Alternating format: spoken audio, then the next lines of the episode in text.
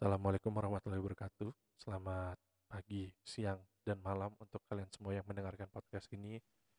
Uh, hari ini podcastnya agak sedikit berduka karena kita tahu ada peristiwa kanjuruhan yang terjadi di Malang dan peristiwa ini memakan jumlah korban yang tidak sedikit sebanyak kurang lebih 131 atau 132 orang bahkan mungkin lebih daripada itu telah meninggal dunia. Sebelum kita memulai podcastnya, mungkin kita bisa mengirimkan doa terlebih dahulu kepada para korban. Kita berdoa dulu ya. Amin. Uh, untuk para keluarga korban, uh, saya dari Dikes atas nama pribadi dan juga mungkin uh, teman-teman saya sebelumnya juga mengucapkan turut berduka cita. Semoga almarhum dan juga almarhumah diberikan di sisi yang terbaik bagi uh, penganut agamanya masing-masing dan juga bagi keluarga yang ditinggalkan juga mampu diberikan kesabaran dan juga bagi para korban lainnya yang uh, mengalami apa ya mungkin kondisi kesehatan baik fisik maupun mental yang kurang baik untuk saat ini kita berikan doa dan juga dukungan bagi mereka. Um, lebih daripada itu, uh, saya juga di sini ingin membahas uh, mengenai tragedi Kanjuruhan, tapi kita bakal bahasnya dari sisi nggak cuma regulasi karena banyak banget yang udah bahas, nggak cuman um, bagaimana perilaku supporternya juga kita juga nggak akan bahas di sini, mungkin ada sebagian juga, tapi kita akan bahas soal the whole thing gitu keseluruhannya. Karena memang sepak bola ini it was just a sport, it was just entertainment, itu cuman games, cuman sport doang dan untuk memakan korban itu sangat sangat tidak manusiawi dan di sini gue udah punya orang yang mampu uh, menjelaskan sebenarnya kalau ruang lingkup keolahragaan dan juga sepak bola itu seperti apa. Uh, ini teman gue masih muda ada Tirto. Halo Tirto. Halo Dimas, apa kabar? Jangan nah. bilang mampu menjelaskan lah, kita sama-sama lah. Kita sama-sama ya.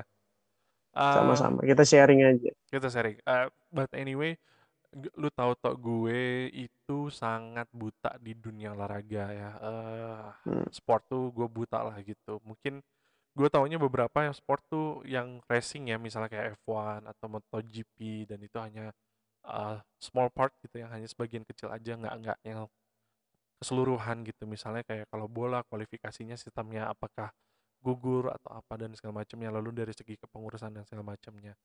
Uh, toh waktu pertama kali lu tahu bahwasannya ada korban dari kanjuruhan lu responnya gimana tuh waktu itu?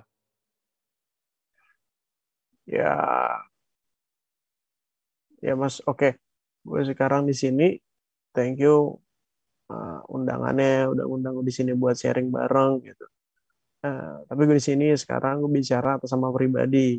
Meski gue ini adalah pengurus uh, salah uh, organisasi induk pembinaan olahraga prestasi di Indonesia. Nah, gue punya ya gue domain gue ini dan pengalaman gue selama ini sedikit di organisasi olahraga prestasi. Nah, ini kita bicara yang luasnya gitu dari Kanjuruhan.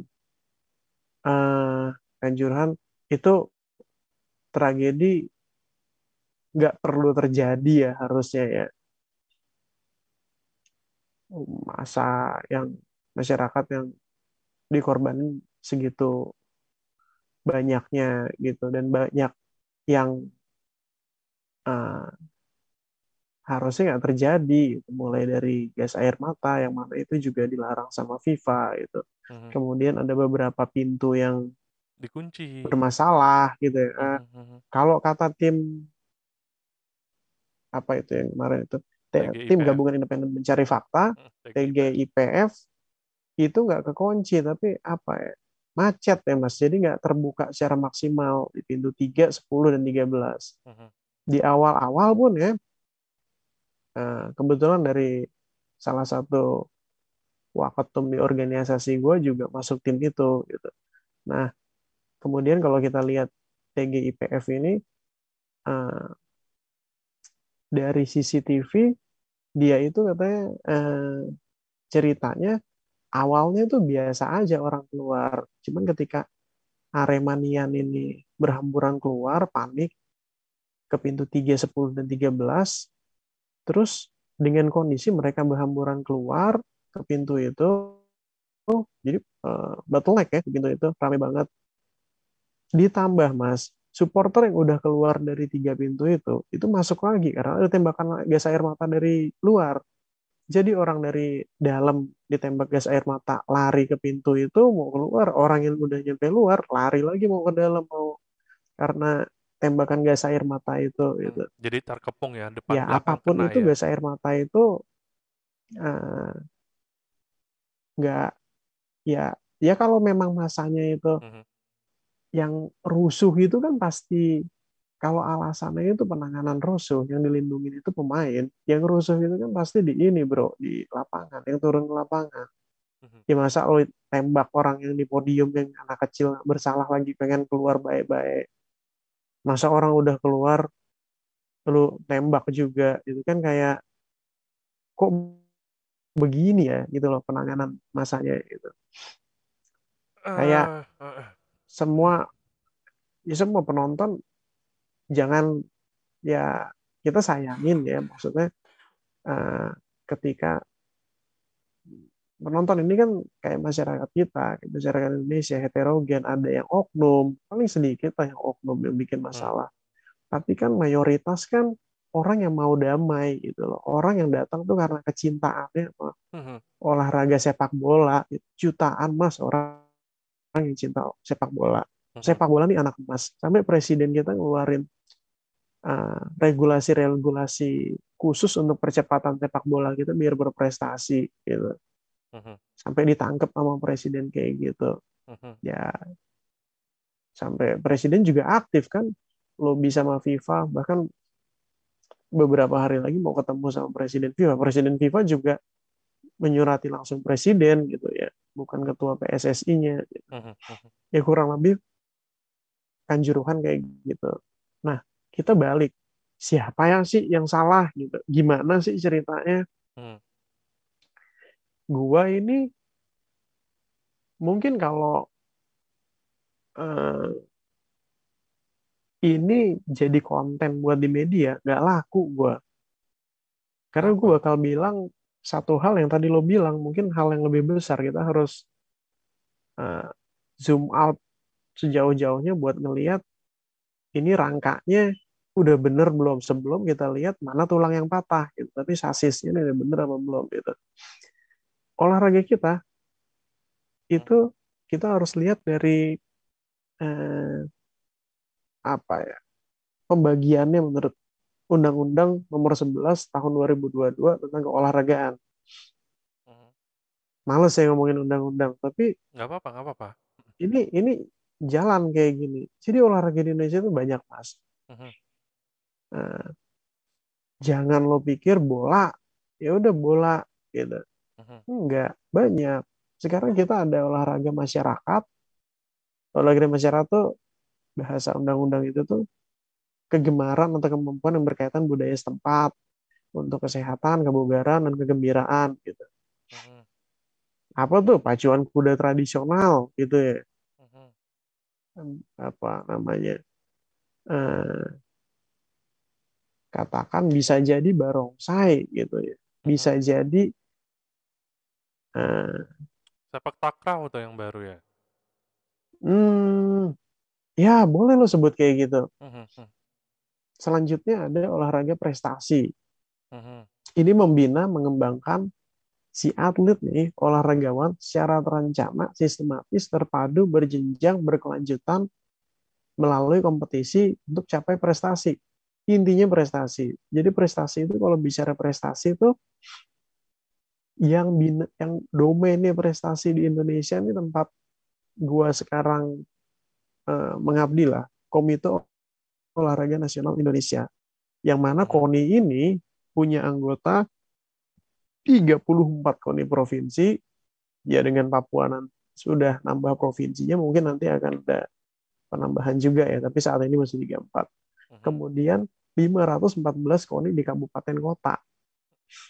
Banyak ya jaringan. Kalau bikin Indomaret udah kaya tuh KONI Mhm, mhm. KONI ini LSM dia disebut di undang-undang tapi nggak dibiayain pemerintah. Dia mandiri. Alhasil KONI eh, dalam tanda kutip nggak bisa diintervensi sama pemerintah. Anaknya KONI siapa? Salah satu PSSI Hmm, makanya kalau lo lihat di berita gitu ya eh, nggak bisa gitu TGI PF memaksa atau memerintahkan PSSI ketumnya dan exco-nya itu mundur karena urusannya segitu ribet gitu. PSSI ini mandiri, anggotanya KONI, KONI juga mandiri. Bukan plat merah. Kemudian PSSI ini anggota siapa gitu. Di Indonesia anggotanya KONI. Organisasi independen. Di internasional anggotanya FIFA gitu. Jadi ya butuh pendekatan-pendekatan yang lebih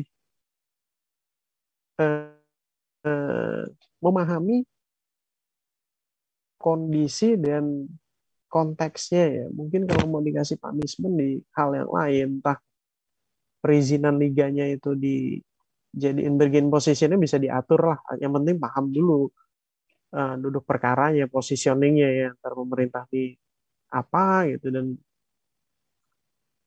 mereka di mana. Nah, bilang oh, oh, bicara olahraga prestasi itu sorry nih Mas, gue agak mungkin agak panjang dan annoying, tapi kayaknya emang harus dijelasin agak panjang dikit gitu ya. Hmm, hmm, hmm. Olahraga prestasi ini uh, urusannya kompetisi, Mas. Kalau kita mau bilang kompetisi uh, multi paling tinggi di Indonesia namanya PON, Pekan Olahraga Nasional. Jadi atlet-atlet yang terbaik dari provinsi uh, A, B, C, D itu kita adu di PON, ya harapannya kita dapat juara sejati yang nanti dia bakal mewakili Indonesia ke event-event di luar negeri gitu. Hmm, Let's say kalau di ASEAN di ASEAN ya SEA Games, tapi oke okay lah itu persahabatan ya itu ya. Terus kalau di Asia ASEAN Games paling tinggi Olimpiade. Nah pemerintah tuh baru-baru ini ngeluarin desain besar olahraga nasional. Itu udah ditargetin bahwa harapannya pemerintah melalui Kemenpora gitu. Kita itu sekarang lo bayangin Indonesia itu negara keempat terbesar penduduknya ya di dunia. Tapi peringkat Olimpiade kita berapa ya? Sedih lah. Cuma dapat emas satu doang kemarin kan di Tokyo 2020 gitu. hmm, hmm. Ya kata orang asing loh kok probabilitas orang Indonesia nih gimana gitu. Tapi apa pemerintah diem aja? Ya enggak, presiden udah bilang review total uh, urusan olahraga di Indonesia itu dari Hari Olahraga Nasional tahun 2020 kemarin. Udah dapat perintah kayak gitu, Mas. Kemudian uh, ya ini lagi dalam proses perbaikan. Intinya di desain besar olahraga nasional itu di BON kita tuh berharap kita punya target tahun 2024 menjelang 100 tahun kemerdekaan Indonesia kita itu udah masuk lima besar agak berat sih tapi ya itulah jalannya. Jadi kita di olahraga prestasi Tapi terlalu muluk-muluk sih menurut gue. hmm, bisa jadi kalau melihat anggaran yang ada sedikit dukungan hmm, dukungan segala halnya juga masih belum terkonsolidasi dengan baik gitu baik dari pemerintah maupun swasta. Bisa jadi itu muluk-muluk tapi secara undang-undang mas sebenarnya masuk akal ketika begini cara pikirnya di undang-undang yang tadi gue sebut 11 tahun 2022 itu setiap kepala daerah uh, dia diamanatkan untuk membina satu minimal cabang olahraga unggulan. Kita cabang olahraga yang di pertandingan di Olimpiade kan ada beberapa ya. Hmm, Dan yang anggota KONI sendiri itu ada 70. Hmm, Nah, ntar gue cerita kemudian gitu. ini mulai ada dari e-sport, dari sepak bola, bulu tangkis, sampai yang lu mungkin nggak pernah dengar kayak namanya petang gitu, ada uh, softball, softball masih oke okay lah. Barong saya juga termasuk mas olahraga prestasi. Perahu naga juga kan ya? Perahu naga tuh masuk ke cabang olahraga apa dayung. Hmm. Dayung itu ketua cabang olahraganya Pak Basuki Hadi PUPR, Menteri PUPR. Hmm. Itu kita potensial juga di situ di Dayung. Hmm. hmm. Panjat nah, tebing juga kan olahraga kan? Ya, panjat tebing olahraga. Hmm. hmm, hmm. Nah, itu lo bayangin kalau satu daerah aja dia bina satu cabang olahraga. Kita punya 514 loh, Mas. Katakan Kota Madia Jakarta Pusat olahraga tinju. Kota Madia eh, Jakarta Utara juga tinju, Jakarta Timur sama Selatan karate. Nah kita bagi tuh, masa sih lu cari satu ngebina satu uh, cabang olahraga nggak bisa hmm. dibutuhin atlet jangan banyak-banyak juga gitu ya. ya. Berapa lah gitu. 514 gitu ditargetin dibagi deh 514 tuh untuk uh, ngebina katakan 10 cabang olahraga aja gitu mas. Yang kita fokusin katakan tuh ada dayung atletik yang nomor banyak menembak selas apa namanya itu senam kemudian uh, renang gitu. Coba sepuluh. Jadi jadi taruh 514 itu dibagi 10 50 kabupaten kota itu fokus ngurusin satu cabang olahraga, katakan renang. Masa sih nggak ada atlet berprestasi, probabilitasnya gimana? Ya kurang lebih kalau itu tuh ada political will dari seluruh uh, kepala daerah dari tingkat bawah hingga AA, hingga atas dari swasta gitu daripada kasarnya ngomong dana-dana CSR di daerah daripada 100% untuk ormas-ormas yang dalam tanda kutip simsalabim obrakadabra kan mending buat olahraga prestasi kan biayain atlet kan uh-huh. ada hasilnya gitu karena di masa damai ini kan yang bisa ng- uh, mengharumkan nama Indonesia bikin negara merah putih itu berkibar di luar negeri itu kan uh, cuman olahraga prestasi masa lain acara kenegaraan gitu. Ya, ini bela negara yang konkret lah menurut gue di olahraga prestasi ini. Bukannya promosi ya bro. Ya. Objektif. Karena Betul. kalau kita bicara olahraga masyarakat, ya untuk fun aja, untuk bugar aja. Kemudian selain olahraga masyarakat, ada olahraga prestasi, ada olahraga amatir olahraga amatir yang dilakukan atas kecintaan sama kegemarannya gitu. ya nggak bisa dikompetisiin gitu ya mm-hmm. nah uh, ada kasus gini mas yang bingung ketika lo main bola mm-hmm. untuk sebagai hobi karena lo cinta gitu atau lo nge-gym karena hobi dan cinta itu lu masuk amatir. Nah, ketika lu udah tanding di kompetisi yang berjenjang ke arah Olimpiade atau SEA Games atau Asian Games atau PON minimal, itu lu udah bicara olahraga prestasi. Uh-huh. Kalau udah urusannya kompetisi. Nah, satu lagi mas, ada namanya olahraga profesional. Uh-huh. Jadi olahraga untuk dapat uh, pendapatan ya, dapat uang ya atau hadiah lainnya, benefit lainnya yang berdasarkan kemahiran itu. Jadi ketika lu uh, apa namanya tadi lu make olahraga itu tadi lo uh, buat dapetin dana misalnya tadinya lo uh, pukul-pukulan itu pakai jurus silat itu buat uh, fun aja ya lu bisa masuk amatir bisa masuk olahraga masyarakat karena mengakar di masyarakat tuh karena mengakar di ini ya Tapi ketika lo ikut kompetisi, urusan olahraga prestasi. Tapi ketika lu itu masuk UFC atau sejenisnya gitu, yang ujungnya tuh komersil, itu masuk olahraga profesional. Hmm, hmm, hmm. Nah, jadi kasus 31 di mana olahraga profesional.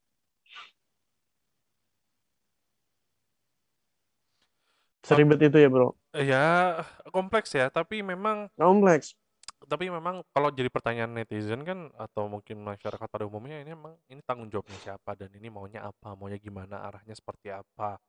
Lalu uh, lebih jauh lagi mereka bertanya-tanya, kalau misalnya presiden nggak bisa ikut campur, negara nggak bisa ikut campur, nyatanya di beberapa uh, di beberapa negara itu bisa gitu. Kayak di Kenya dan negara-negara lain uh, itu seperti PSSI-nya tuh dibubarkan aja terus dibikin ulang. Gagal lagi bubarin lagi semua pemerintah bikin lagi jadi satu. Dan uh, kanjuruhan ini merupakan salah satu peristiwa olahraga yang di mana kematiannya terbanyak di dunia. Terakhir uh, kita pecahin rekor ibaratnya gitu um, ya, yang jelas memang jadi salah tuduh-tuduhan. Ada yang bilang tuduhnya Indosiar juga karena pengen penyelenggaranya malam.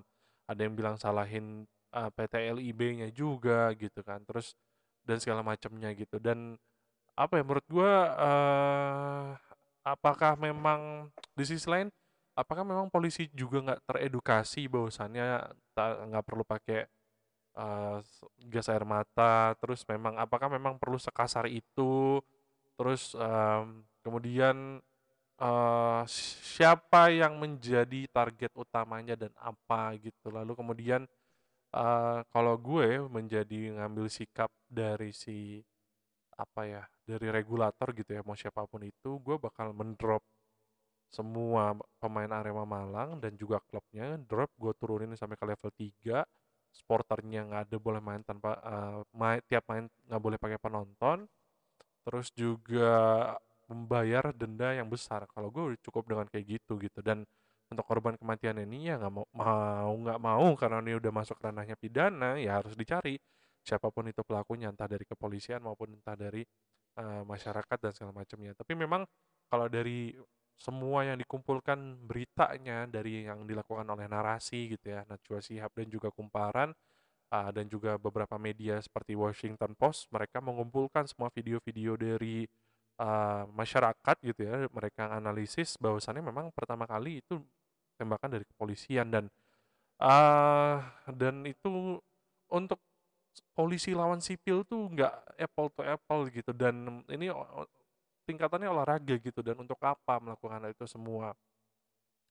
Kalau yang tadi lu ceritakan mengenai grand design bagaimana pemerintah ingin membentuk satu olahraga yang bagus terus struktur punya uh, mimpi di 100 tahun Indonesia emas kita mempunyai banyak uh, emas dan juga piala gitu ya ya nggak apa-apa boleh gitu. Gue support kok gue yakin masyarakat support. Cuman memang kita di sini menjadi nggak percaya bahkan di Najwa Shihab aja itu jilid untuk PSSI itu sampai berapa tahun gitu mafianya banyak dan semuanya saling ego bahkan untuk exco-nya juga untuk PSSI juga kayaknya keras kepala gitu ketika ditanya um, banyak yang bilang bahwasannya baby boomer mana mau keluar dari ini karena duitnya ada di situ semua. Well, itu menjelaskan juga dari apa yang lo jelaskan bahwasannya mereka ini adalah lembaga swadaya masyarakat. Nggak beda jauh dengan yang lo bilang bahwasannya pemerintah daerah juga memberikan ini kepada pungli, kepada preman-preman. Ya apa bedanya kita patungan dari masyarakat membayar preman ini melalui lembaga ini gitu kan dan mereka nggak mau mundur gitu sekejam itu dan tidak ada rasa penyelesaian penyesalan sama sekali, tidak ada minta maaf sama sekali, tidak ada rasa berdukanya, uh, dan egonya keras gitu. Bahkan untuk kepolisian sendiri di awal mereka egonya keras dan merasa itu tidak bersalah. Hingga akhirnya mereka melakukan yang menurut gua, menurut gua agak sangat kebodohan. Mereka, lu tahu kan mereka sujud terus memohon ampun kepada Tuhan dan agak sedikit apa ya mencari muka gitu loh. Uh, bukankah menjadi satu manusia dengan kekurangannya, tapi dengan mempunyai rasa iba tulus kasihan, itu juga bikin kita menjadi manusia, dan itu mencerminkan dari institusi atau lembaganya itu sendiri.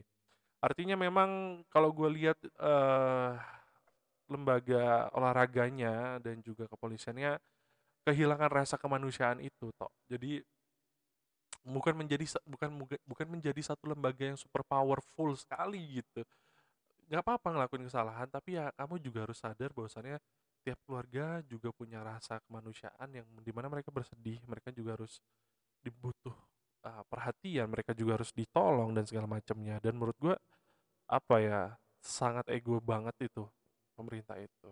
Gitu toh oke gue lanjut mas. Aha. oke. Hmm, sedikit banyak kayaknya sih kita semua satu frekuensi lah ya apalagi yang muda-muda sama lu mas nah, tapi gue mau gue mau bilang ada beberapa hal yang gue tahu. Ya ini dari baik dari lapangan dari teman-teman di Jawa Timur langsung gitu. Dan regulasi lagi. Satu mas. KONI ini punya peraturan organisasi. Nah, di dalamnya ini ada mengatur, ini sharing aja ya. Di dalamnya itu ada hmm. mengatur tentang uh, venue dan pelaksanaan uh, kompetisi. Di situ bunyinya kurang lebih ya, gue lupa pasalnya. Uh, tapi kurang lebih gini bunyinya. Kalau ngomongin kompetisi teknis, itu cabang olahraga yang mana di sini nih PSSI harus mengacu ke regulasi internasionalnya FIFA. Dalam ya. hal ini FIFA. Ya. Nah, eh, itu amanatnya. Kalau domainnya olahraga prestasi. Kalau itu pertandingannya pertandingan PON atau kejuaraan nasional. Tapi ini kan enggak nih. Ini kan ada di ranah olahraga profesional. Jadi hmm KON ini olahraga prestasi, tapi cabang olahraga anggotanya dia punya sisi olahraga prestasi, dia punya sisi, sisi olahraga profesional, dia punya sisi olahraga masyarakat, atau bahkan olahraga profesi eh, amatir juga. Easy limitnya. Iya. Jadi tapi bukan peraturan ini, kalau kalau gue lihat dengan lu sendiri mau menyatakan bahwasannya jelimet ya gitu kan. Iya, bukankah menjadi hmm. tidak fokus ya toh ya maunya apa maunya gimana seperti apa nggak punya grand design peta yang baik gitu dan make it simple bikin simple aja gitu. Dan uh, karena ini untuk entertainment dan harusnya balik lagi ke entertainment. Maksud gue adalah ya udah gimana caranya dibikin aman dan nyaman sederhana dan semuanya juga terhibur gitu loh. Iya, uh, iya. nah gue balik lagi. hmm, hmm. belum selesai. Nah uh, tapi oke okay lah. Kalau lo bicara dari berbagai olahraga ini yang punya sasaran target itu olahraga prestasi. Targetnya medali hmm. profesional kayak tadi dia bentuknya dapat benefit dana nah dalam hal ini ku balik lagi ke tadi Poni punya peraturan organisasi mengacu uh, organi, uh, mengacu regulasi internasional federasinya kompetisi jadi FIFA itu sudah melarang penggunaan gas air mata pada ya. kompetisi sepak bola. Ya, ya. Oke. Okay? Nah, terus sekarang begini, ini yang running ini kan PT LIB ini, Mas, Liga 1. Nah, idealnya ya PSSI ini yang uh, sanction gitu ya, yang apa namanya, yang meri, merestui gitu ya. -hmm. Dia punya uh, pengawasan yang ketat terhadap peraturan FIFA itu. Itu pertama. Terutama apa yang nggak boleh si gas air mata ya itu juga ditekanin dong sama penyelenggara. Penyelenggara juga nekan aparat keamanan ya, ya maaf aja gitu. Para aparat keamanan ini kan udah kerja sama sama penyelenggara dan uh, penyelenggara juga harusnya komunikasinya juga baik, diawasin juga sama PSSI gitu kan. Ini nggak boleh sama FIFA. Jangan lo lakuin gitu. Kurang lebih gitu. Kalau kita mau nyalahin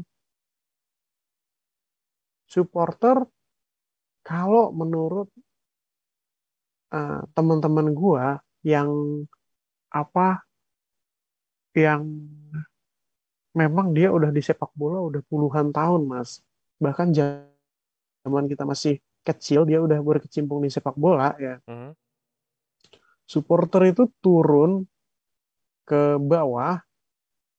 Nah, kalau lo perhatiin berita itu awal-awal eh, nyudutin supporter. Di awal-awal tuh supporter itu turun ke bawah dengan alasan mau me- eh, Salaman. Mau hmm, memberikan sala- dia salaman. kesel, dia kesel sama pemain eh, klub kesayangannya Mhm, karena kalah, mau dipukulin. Polisi eh, jadi hero di situ, tembak gas air mata buat nyelamatin pemain. Nah, kalau sepengalamannya eh, teman-teman gue yang udah lama berkecimpung di olahraga bola lebih lama, itu mereka ke bawah eh, buat ini mas, buat meluk, Iya buat ngasih peluk. support. Betul, betul. Iya, jadi nggak perlu diapa-apain. Dan ada kok satu video bahwa di tahun 2012 itu waktu Persija lawan Persib ya atau apa ya, itu penonton juga turun ke bawah mas, Mhm, meluk pemain dan lain-lain turun, tapi nggak ada kejadian kayak gini. mhm, Jadi pemicunya apa? Ya pemicunya ya ya udahlah gas air mata gitu. mhm. Ya sayangnya kenapa nggak hmm, dibakar aja stadionnya, tutup semua gitu ya. Ya ini buruk-buruknya toh contohnya kan. Ya nggak gue nyinyir aja, sebel gitu loh. Eh, kemudian tapi di situ itu kan kita mencoba oke tadi gue nyinyir, tapi kadang kita juga harus objektif dan kita juga harus berprasangka baik gitu ya. Eh, pasca itu mas, kalau kata teman-teman Jawa Timur, satu faktanya, memang dari mayat yang bergelimpangan, sebagian itu ada yang berbau alkohol. hmm, mabuk. Jadi dia minum, ya. Hmm, Nah itu satu kan udah salah tuh, pas lo screening masuk stadion, gak boleh ditawar lah, benda mhm, tajam, terus eh, alkohol itu harusnya nggak boleh. mhm, Begitu juga aparat keamanannya harus di screening juga dong sama yang FIFA larang. Nah, kedua Mas, mhm. Faktanya eh, jumlah Mas orang yang meninggal kalau menurut teman-teman Jawa Timur ya, kemarin gue dapat cerita dari mereka, itu udah tembus 200. Ya, ya, makanya. ha. Mm-mm. Jadi tapi kan emang disengaja dibikin chat angkanya segitu itu biar kelihatan kita agak jauh sama Peru sama apa. Tapi untuk sekian tahun, let's say 30 tahun terakhir itu paling gede korban meninggalnya. Itu kedua. Ketiga, kalau kita berprasangka baik gitu. Polisi itu di Malang itu gak kerja sama sekali, Mas. Mhm, Pasca kejadian itu. Jadi di jalan tuh orang nggak pakai helm atau nggak ada polisi. Masyarakat segitu bencinya sama polisi. Dan polisi pun ketakutan. Dia cuma masuk kantor, cuma di kantor aja. Iya, Nah, di sini kan ya ada juga dia kekhawatiran dan ngerasa bersalah. Cuman yang penting kita eh, telusurin itu kan salah satunya gini. Tugasnya polisi itu kan bidang keamanan ini kan praktek ya. Gimana sih kalau mengendalikan masa. eh, ya masa dalam kondisi-kondisi seperti itu mereka kan harusnya terlatih. Kok bisa sih 2012 waktu pertandingan di Indonesia juga orang turun ke bawah tapi nggak ada kasus kayak gini, nggak pakai gas air mata. Kok bisa sekarang ini? Artinya prosedur eh, SOP-nya gimana nih? Apa ada perubahan? Apa ada yang nggak diterapin gitu? Ya, Terus kayaknya kita juga tahu gitu. Kalau yang salah si A, yang ditembak si A gitu. Lah ini kok yang kita sayangin yang ditembak yang lain gitu. Artinya kan nggak nggak mungkin juga gitu loh teman-teman polisi ini sengaja ke sana. Tapi kan itu ada satu kondisi mental yang mendorong dia melakukan ke sana.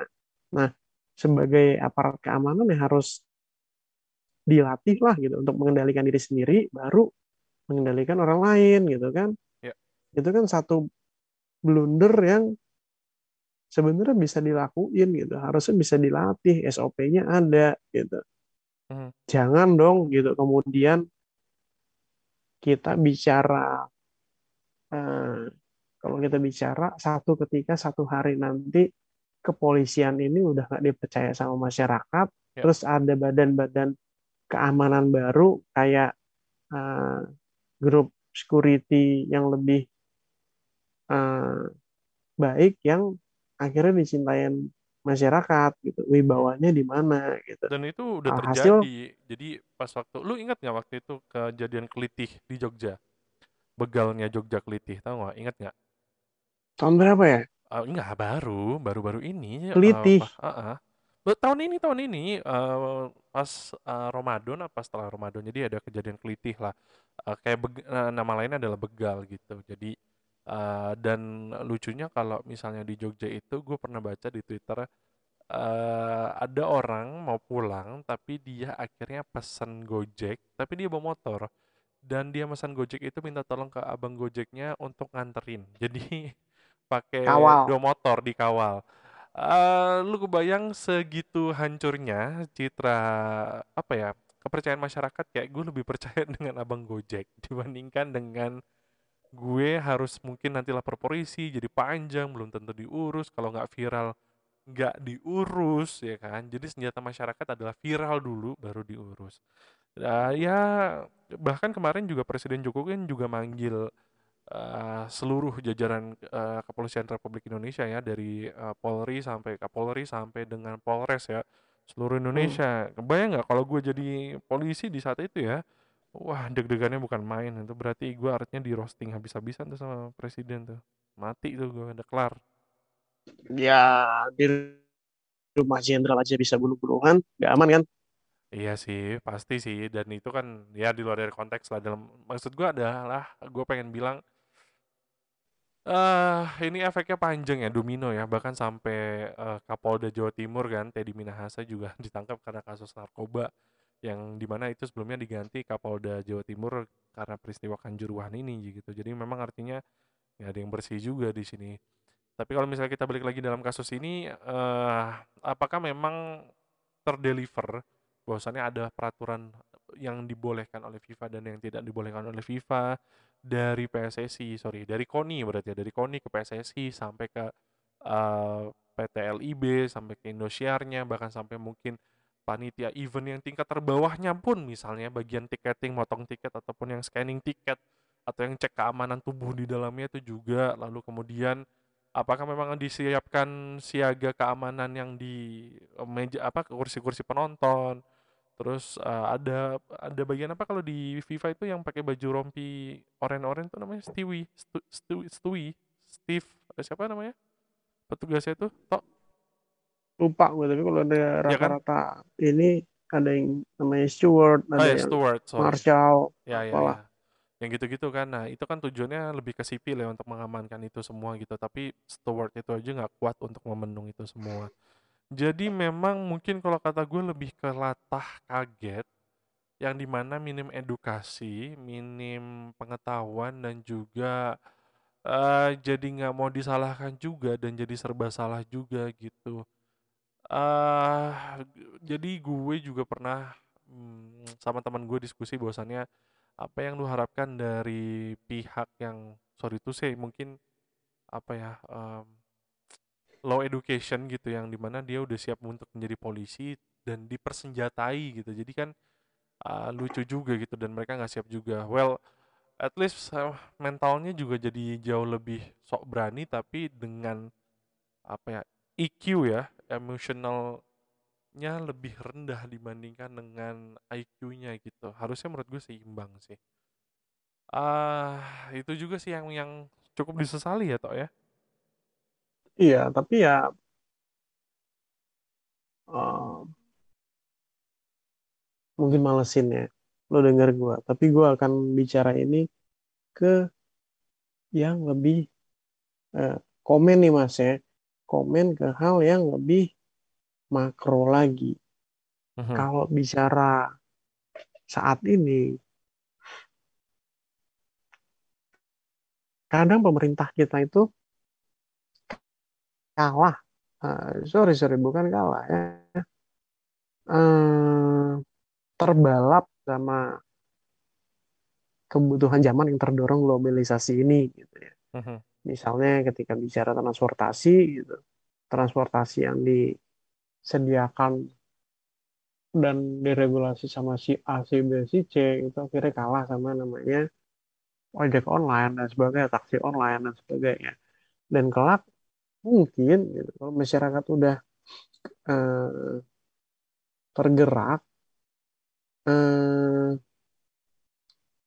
tergeraknya gini mas. Masyarakat kita nih satu sisi nanggung gitu loh. Komen komen gitu. Tapi dia komen olahraga komen olahraga gitu. kita tanya eh pernah nggak baca undang-undang olahragaan Indonesia? Gitu.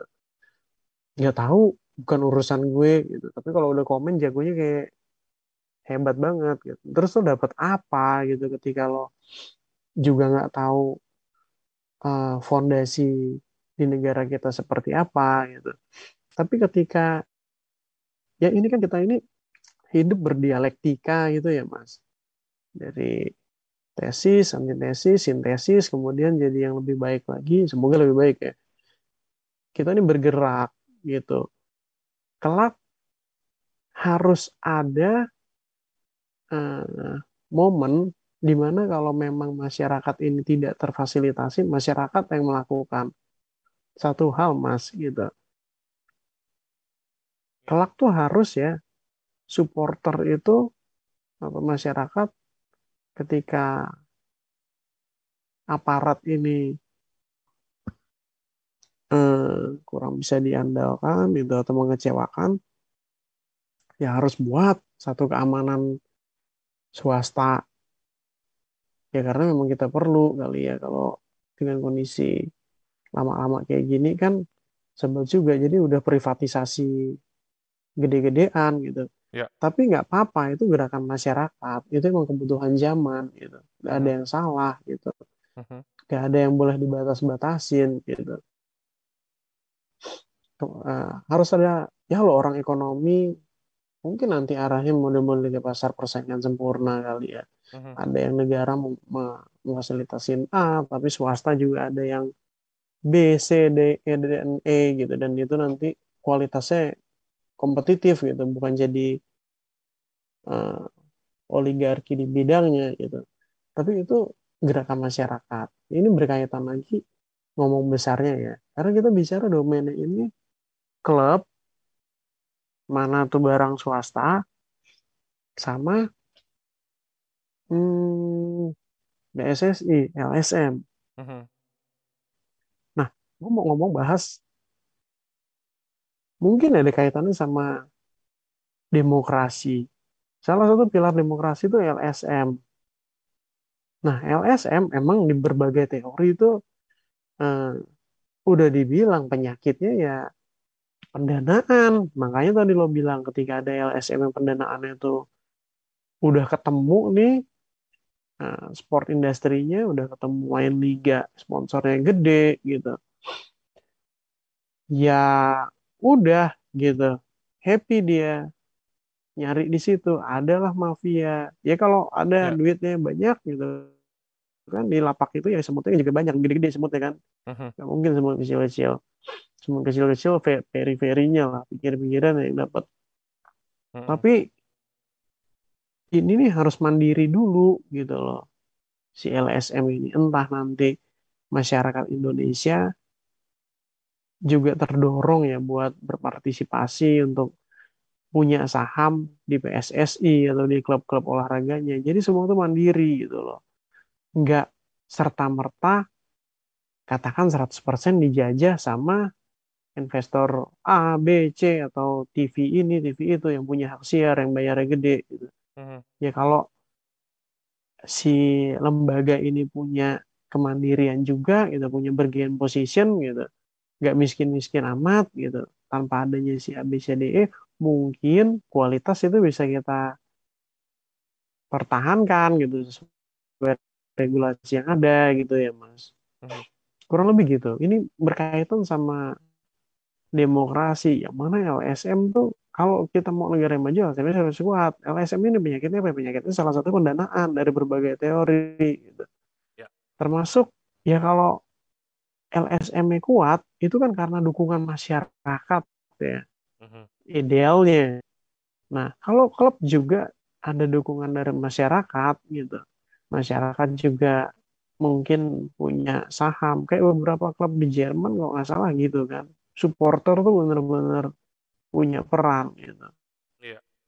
mungkin kita memang harus ke arah sana cuman kan sayangnya nasionalismenya orang Indonesia ini bela negara orang Indonesia ini emosional apa gitu bahasa lo kan Iya. kayak gini teriak heboh bla bla bla tapi ayo karena dong Mhm. lakuin sesuatu bikin terobosan karena itu tadi ya, kalau menurut gue ya, gue dari dulu tuh selalu menganggap bahwasannya kayaknya kita tuh gampang banget menjual segala sesuatunya tuh dengan latar belakang demi merah putih, demi Garuda gitu. Tapi kalau semua orang membela merah putih, membela Garuda, siapa yang mau dibela?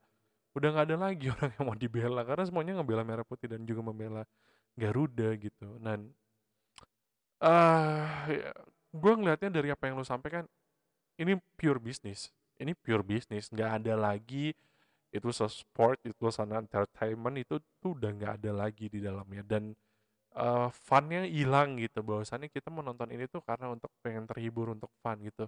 Gue kemarin-kemarin kan eh, nonton di salah satu eh, channel TV juga ada volley, ada basket dan ada badminton dan itu live gitu ya tingkatannya. gue menikmati itu gitu. Maksudnya olahraga yang lain atau mungkin gue juga nggak tahu ya. Gue udah bilang bahwasannya gue nggak paham soal olahraga nggak serumit itu dan nggak seanarkis itu gitu untuk olahraga yang lain gitu. Basket, volley, eh, renang dan lain-lainnya gitu. Kayaknya nggak se sekompleks itu gitu. Padahal orang bilang bahwasannya sepak bola adalah olahraga yang murah. Lu juga bilang bahwasannya sepak bola merupakan anak emas dari olahraga. Tapi kenapa? Malah jadi satu agama bencana itu. Ya tapi kenapa jadi satu bencana gitu ya kan dan lu tiba-tiba ngomongin agama nih maksudnya jangan ke sana men. Kita bukan bukan maksudnya? Olahraga tuh udah dianggap kayak agama. Eh apa sepak bola. Hmm, gak jarang dosen gua tuh ketika klub yang dia suka tuh kalah terus ada mahasiswa yang datang pakai jersey klub yang dia yang ngalahin klub kesayangan dia ya dia ah bad ya mood ya ya bahkan bad sampai ngusir sampai apa. Ah ya ya I see. Jadi memang hmm, ini kan balik lagi kepada masing-masing dari orangnya dalam arti menurut gua adalah asal lu bisa nerima legowo dari permainan itu sportif ya udah gitu selesai kan. Ya itu balik lagi ke karakter seseorang ya. Karakter mentalnya dan sama seperti kita semua yang memang harus kembali lagi kepada karakter kita bahwasannya ini adanya ini adalah sebuah sport sebuah olahraga sebuah hiburan dan kita harus mendukung itu semua ah, semua orang pengen ngerombak semua orang pengen ini itu nggak kejadian lagi. Ah thank you Tirta udah ngobrol udah kurang lebih hampir satu jam. Kita ngobrol sama-sama hmm, solusinya juga ada ada lu juga udah menjelaskan semuanya. Thank you kalau gitu gua Dimas Pangestu dan juga Tirto pamit undur diri dan kita berdoa tetap masih berduka atas kehilangan yang ada di Kanjuruhan. Assalamualaikum warahmatullahi wabarakatuh